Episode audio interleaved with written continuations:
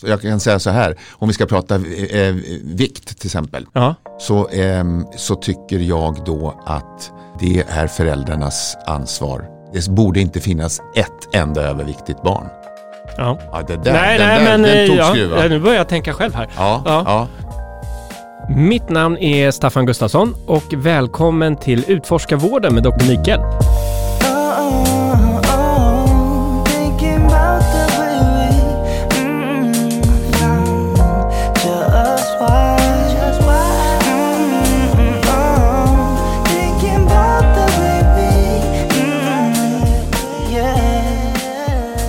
I dagens avsnitt så pratar vi om folksjukdomar. Vi vet alla att de finns, vi vet att de är farliga och vi vet att många av oss får dem. Men vilka är de egentligen? Vi kommer också prata om hälsokontroller och eh, för vem och när man ska göra det. Vi kommer även prata om vilken rätt man har att begära en utredning från sin eh, vårdcentral.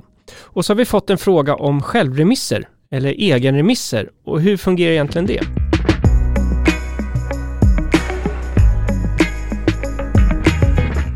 Vid micken så är det jag, Staffan Gustafsson som vanligt och mitt emot mig så har jag ju eh, kära Dr. Mikael. ja, nu är vi här igen. Ja, välkommen till dagens avsnitt där vi tillsammans ska utforska vården. Tack så mycket. Vi har fått in lite frågor om det här med utredning och remisser. Mm. Och eh, hur fungerar det egentligen? Kan man begära en utredning från sin eh, vårdcentral? Och vad har man egentligen rätt till? Ja, alltså e- enligt patientlagen så kan man ha, göra en egen vårdbegäran och det är ju självremissen. Att man vill komma från vårdcentralen till någon specialist. Och den, du har alltså en rätt att skriva en sådan och skicka till en specialist som sen bedömer den på precis samma sätt som man bedömer andra remisser. Eller så gör man det här tillsammans med läkaren. Eh, jag, jag kan ju tycka så här att eh, att köra på egen hand, då måste man ju kunna rätt så mycket. Man först, för att man måste ju vara lite smart också och se hur systemet fungerar och hur man uttrycker sig. Jag, kan, jag tycker nog huvudsakligen att man ska göra det här tillsammans med vårdgivare. Vad är det, varför vill du till en, eh, till en specialist? Vad är det jag kan ge dig? Vad är det jag inte kan ge dig? Om man har en samsyn så blir det ju bra. För oavsett tillstånd så kommer man till sin specialist och, och, och så antingen så säger man att nej vi ska inte göra någonting eller så remitterar de tillbaka och då är man ju tillbaka där man kom ifrån. Och då är det ju bra att man vet om det och man har en samsyn där. Mm. Är det så att det inte funkar, att det, att det knyter sig liksom mellan, jag, jag tycker inte om min läkare, den förstår mig inte, jag förstår inte vad han eller hon säger, det, det pratar för dålig, för svår svenska eller för dålig svenska eller förstår mig inte. Då, då tycker jag att då, då ska man verkligen utnyttja den här rätten man har till en second opinion. Eh, och, eh, säga, och, och det säger man, hör du, eh, du och jag funkar inte, jag har inte förtroende för dig, kan jag få träffa en kollega? Och det finns ingen läkare som, som då ehm, kan säga nej. Men det är kanske lättare sagt än gjort för den patienten att Absolut det. våga ta den. Ja, just det. Och, men, inte, men det blir inte mera, mindre rätt för det. Nej. Så det är därför jag liksom vill, vill eh, poängtera och pusha lite för det där. Mm. I första hand, försök komma överens. Det blir alltid det bästa. I synnerhet om man ska ha kontinuerlig uppföljning. Och funkar inte det, second opinion. Och vill ni veta mer om det här med ämnet med remisser och så vidare, då kan ni självklart gå in på vården.se så har vi många guider som kan hjälpa er där. Men du nämnde ju lite här, du började eh, redan ta upp nästa ämne och det är ju folksjukdomar. Eh, och eh, vad menas egentligen med det då? En folksjukdom är en sjukdom som har stora socialekonomiska effekter för samhället. Det är dyrt alltså. Ja, alltså det kostar miljarders miljarder. Eh, och då, då typiska eh, hjärt-kärlsjukdomar, eh, cancer, eh, och vi har pratat om prostata, bröstcancer till exempel, eh, diabetes förstås. Och det är de här sjukdomarna då som står för, en, står för en stor del av att man kanske dör i förtid. Ja, precis. Det, är- det, det är orsaken till det. Och vilka, eh, du nämnde, nu rabblade du upp där, men vilka skulle du säga är de två, tre vanligaste?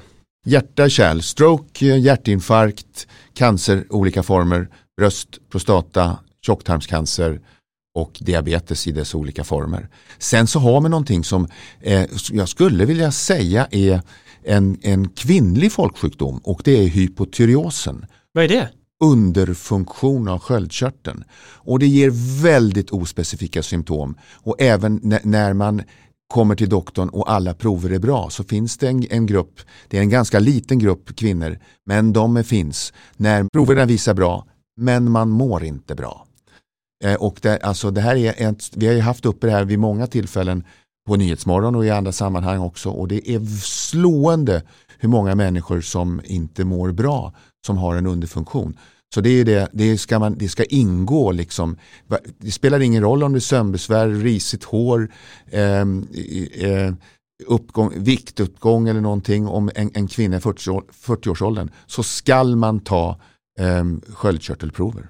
Och då kanske det låter som att man ska köra en riktad hälsokontroll just mot det. Ja, det tycker jag det verkligen ska man göra. Och det svåra här då är ju att det, man kan ha så väldigt eh, ospecifika symptom. Mm. Det, finns, det kan vara en depression, det kan vara någonting annat, det kan vara psykisk ohälsa. Eh, och, eh, men det är, och det är ju de här tillfällena en läkare verkligen är till sin fördel därför att vi har ju hela det här som vi kallar för differentialdiagnostik eller vad kan det annars vara om det inte är det jag trodde. Mm. Och då, då är det, ju, det är det vi är till för så att säga. Men hur ser du på det här? För det skrivs ju mycket om i media att eh, typ 2-diabetes och det kommer hos unga och så vidare. Men eh, det som det debatteras mycket också det är ju anledningen till att det här dyker upp. Att vi, att vi sitter och äter ihjäl oss. Ja, ja så, så är det ju.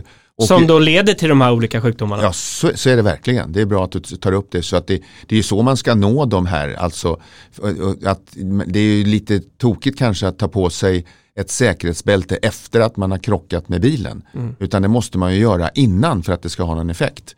Så att då blir det ju liksom folkhälsoåtgärder. Men det låter så tråkigt och jag har inte fokus på det där och jag är 25 år gammal.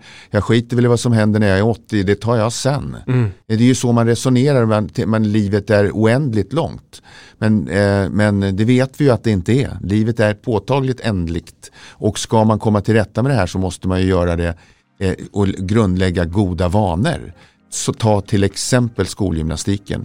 Eh, så att, att man rör sig och rör sig på något sätt. Det är av godo att röra sig. Om man lever ett liv i stillhet så får man kronisk inflammation och man lever inte så länge.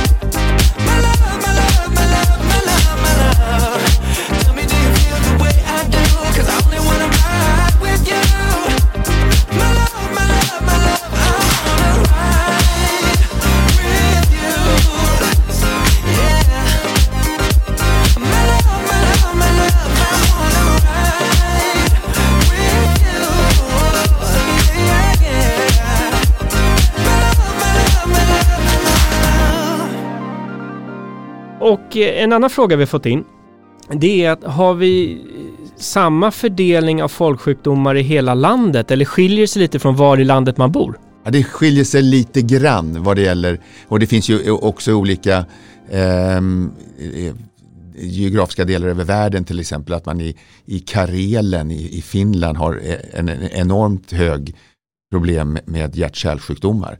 Och det hänger ju ihop, det är ju inte bara det som ärftlighet utan det har ju med, med, med vilka kulturer man har, vilken mat man äter och hur man rör sig och, och så vidare, vilka roller man har i samhället.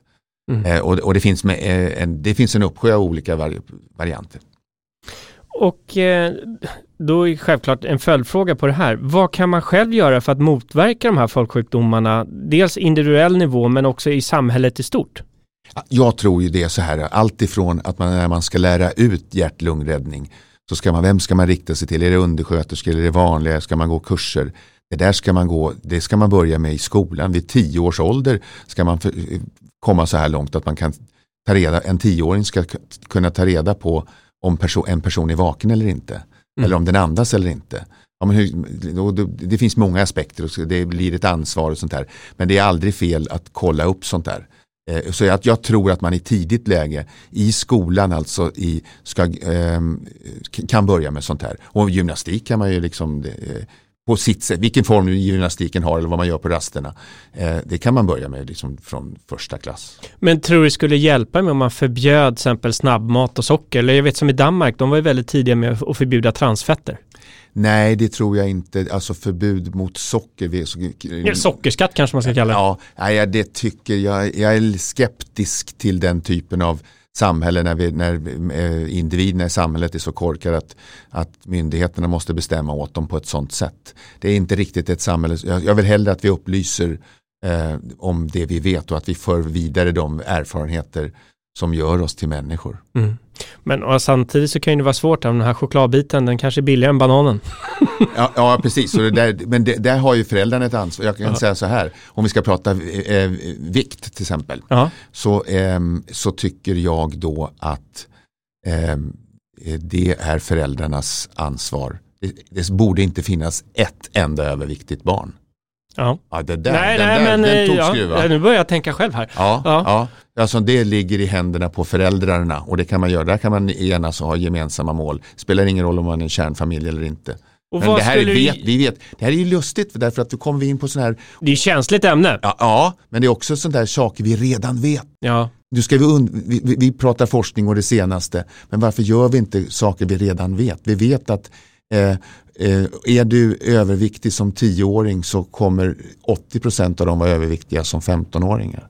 Och vad ger du då för tips till de här föräldrarna som kanske har ett barn som är i riskzonen, i tioårsåldern till exempel? Ja, att man ser över sina egna eh, eh, rutiner. Att det korrelerar menar du? Ja, ja oh, stark kor- korrelation. Mm. Eh, så att det, det, det får man göra. Sen finns det ingen som kan leva, jag vill inte ha ett sånt liv där jag ska följa folkhälsoreglerna eh, eh, sju dagar i veckan. Det var inte Men- länge sedan de rekommenderade åtta mackor om dagen ju. Nej, nej, Det nej. gör de kanske inte fortfarande. Eh, Socialstyrelsen, Ja, social- sex till åtta. Ja, Ja. det. ja nej, så, så det, det tycker jag väl inte. Men man får väl hänga med så mycket i, i, i, i, omvärlden att man vet att fisk är bra, grönsaker är bra. Mm. Eh, och det man gör sällan är sällan ett problem. Mm. Så om du äter någonting eller går på rish då, Mm. eller dricker rödvin någon, en, en gång i veckan eller två, eh, om du sköter dig och tränar och kör så här så är det ju ingen fara. Mm. Det är ju liksom, om du alltid dricker läsk eh, till, till maten så är ju det det som är problemet. Jag har en fråga till dig, när vi ändå kommer in på det här då. Eh, blir man präglad av sitt eh, kostintag från sin uppväxt? Och För det finns ju vissa, man kan ju träna sig och gilla broccoli. ja. Eller så kan man ha de här snabba kolhydraterna. Lever det här med hela livet? Hur det blir programmerat från början? Ja, ja, oh ja, föräldrarnas beteende styr väldigt mycket och det Mm. sker tidigt. Det här sker redan liksom från några års ålder. Och det är svårt, inte omöjligt, men det är svårt att byta sig ur. Mm. Där har vi hemma, eh, min fru har myntat ett begrepp, sällanmat. Ja, precis. Men det betyder inte aldrig mat. Nej,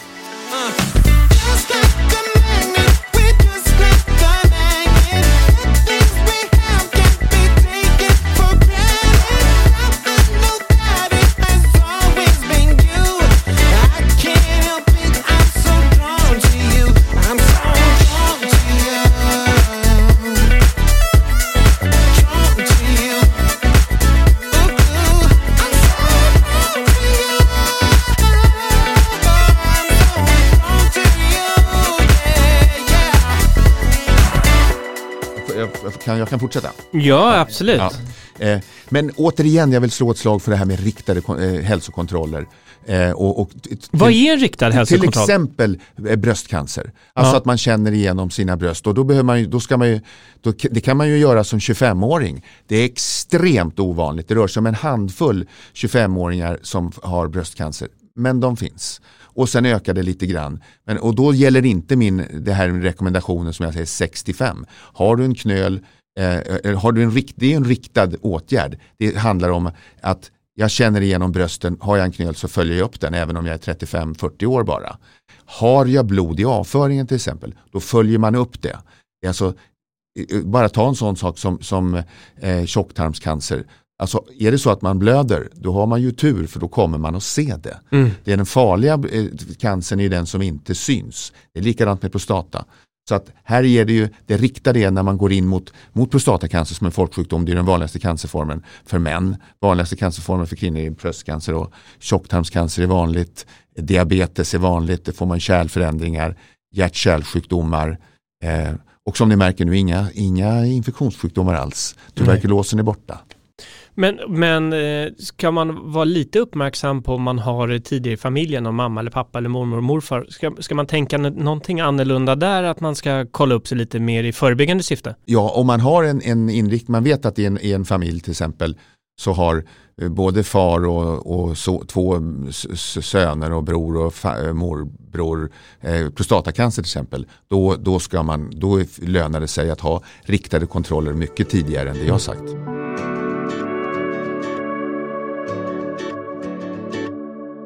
Vi har ju en eh, stundande semester här inför, eh, som står inför farstun. Ja, Och eh, vad är det man ska tänka på nu då, när eh, man ska ge sig ut i semestern? ja man ska vara förberedd och man förstås. Man ska ju följa de rekommendationer som är och man måste vara väldigt lyhörd för förändringar och på, i andra länder i synnerhet. då. Och sen så finns det någonting som heter EU-kortet. Mm. Eh, och nu finns det, precis som du säger, det finns ju eh, restriktioner och riktlinjer nu som kanske inte stödjer att man ska se ut på de europeiska vägarna. Men kan du berätta lite mer vad det EU-kortet är? Eh, Jag, jag, har inte, jag har aldrig använt mig av det och aldrig kommit till den situationen. Det här är ju administrativa saker men det det, man ska ju ha samma rättighet till eh, akut sjukvård eh, som, så som eh, invånare i, samma, i det landet. Då. Så, det ska inte vara någon skillnad. Nej, men en viktig del här med EU-kortet som vi talade om, det är ju att det ger ju rätt att du betalar samma pris för den vården du söker upp som de som bor i det landet. Men givet nu att, det, att restriktionerna hävs och det, vi får nya riktlinjer och man kan ge sig ut i Europa igen, det är alltid viktigt att ha sin hemförsäkring. För bland annat så täcker inte det här kortet till exempel ambulansflyg om man skulle behöva det. Nej. Så det är viktigt att man kollar över sin hemförsäkring. Ja, och då är det ambulansflyg, då är det, pratar vi flera hundratusen kronor för en sån resa och då ska jag följa med en doktor och sådär. Mm. Och det här, det, det här EU-kortet det gäller ju för sån vård som inte kan vänta. Mm. Men är det vård som kan vänta så ska man den vården ges i, Mm. i ursprungslandet.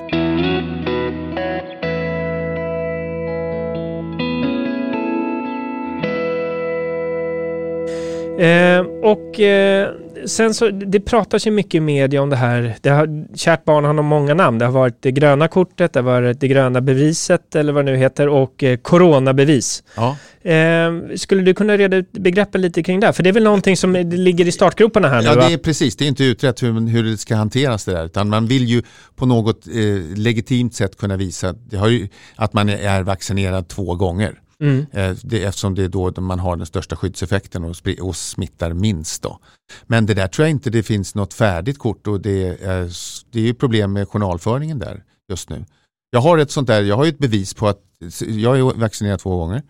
Eh, och jag har ett skriftligt litet kort eh, och det är jag inte säker på att till exempel en, en spansk tulltjänsteman skulle kunna läsa. Nej, och det, det, som jag har förstått det så är syftet med det här kortet det är att det ska underlätta resor inom EU. Ja. Så att eh, du får det här beviset i Sverige så ska det då kunna förstås när du åker till Spanien. Ja, och så vidare. För nu håller ju faktiskt Europa på att Spanien var väl först ut igår som började öppna upp lite. Eh, Frankrike ska komma med nya direktiv inför sommaren imorgon. Så att det är ju saker som är i görningen här.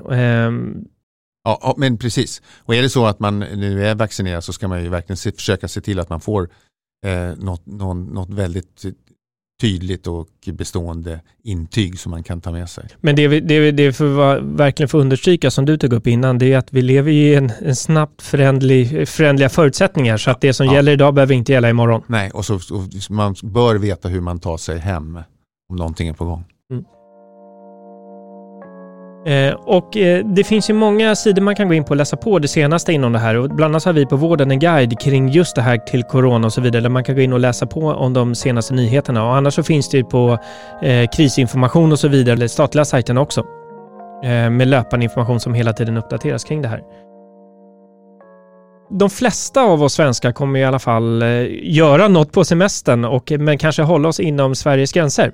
Ja. Och vad är det som gäller då? Ponera att eh, du eh, turistar uppe i norra Sverige och du behöver uppsöka vård eller gå till en, en eh, vårdcentral där uppe. Behöver du lista om det eller hur fungerar det här? Ja, nej, det behöver du inte. Utan du har, du har rätt att söka vård var som helst.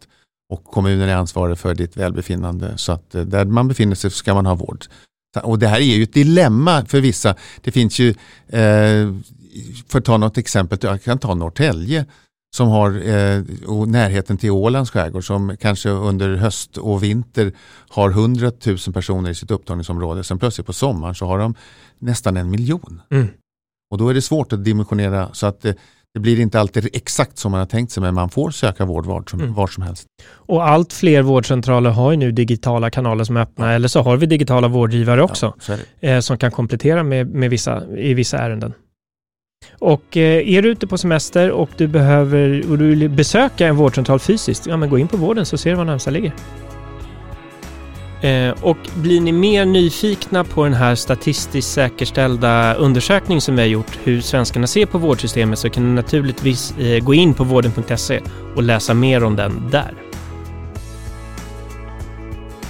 Så tack alla ni som har lyssnat nu på dagens program och eh, hoppas att ni har lärt er en massa. För det är några saker vi ska plocka med oss som vi har lärt oss idag så är det ju ut i solen. Det är väldigt bra att vara där, men köp solskyddsfaktor och använd den.